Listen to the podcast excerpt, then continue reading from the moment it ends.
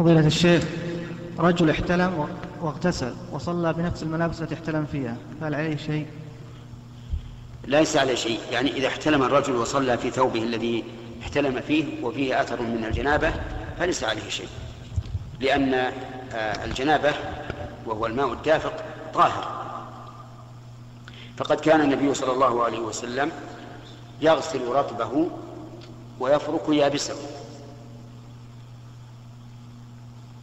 قالت عائشة رضي الله عنها كنت أفركه من ثوب النبي صلى الله عليه وسلم فركا يعني لا غسلا فيصلي فيه. ولو كان نجسا لوجب أن يغسل. ولكن بالمناسبة ينبغي الإنسان إذا أراد أن ينام أن يستنجي بالماء أو يستجمر استجمارا شرعيا. حتى إذا خرج الماء الدافق لم يصادف محلا نجسا.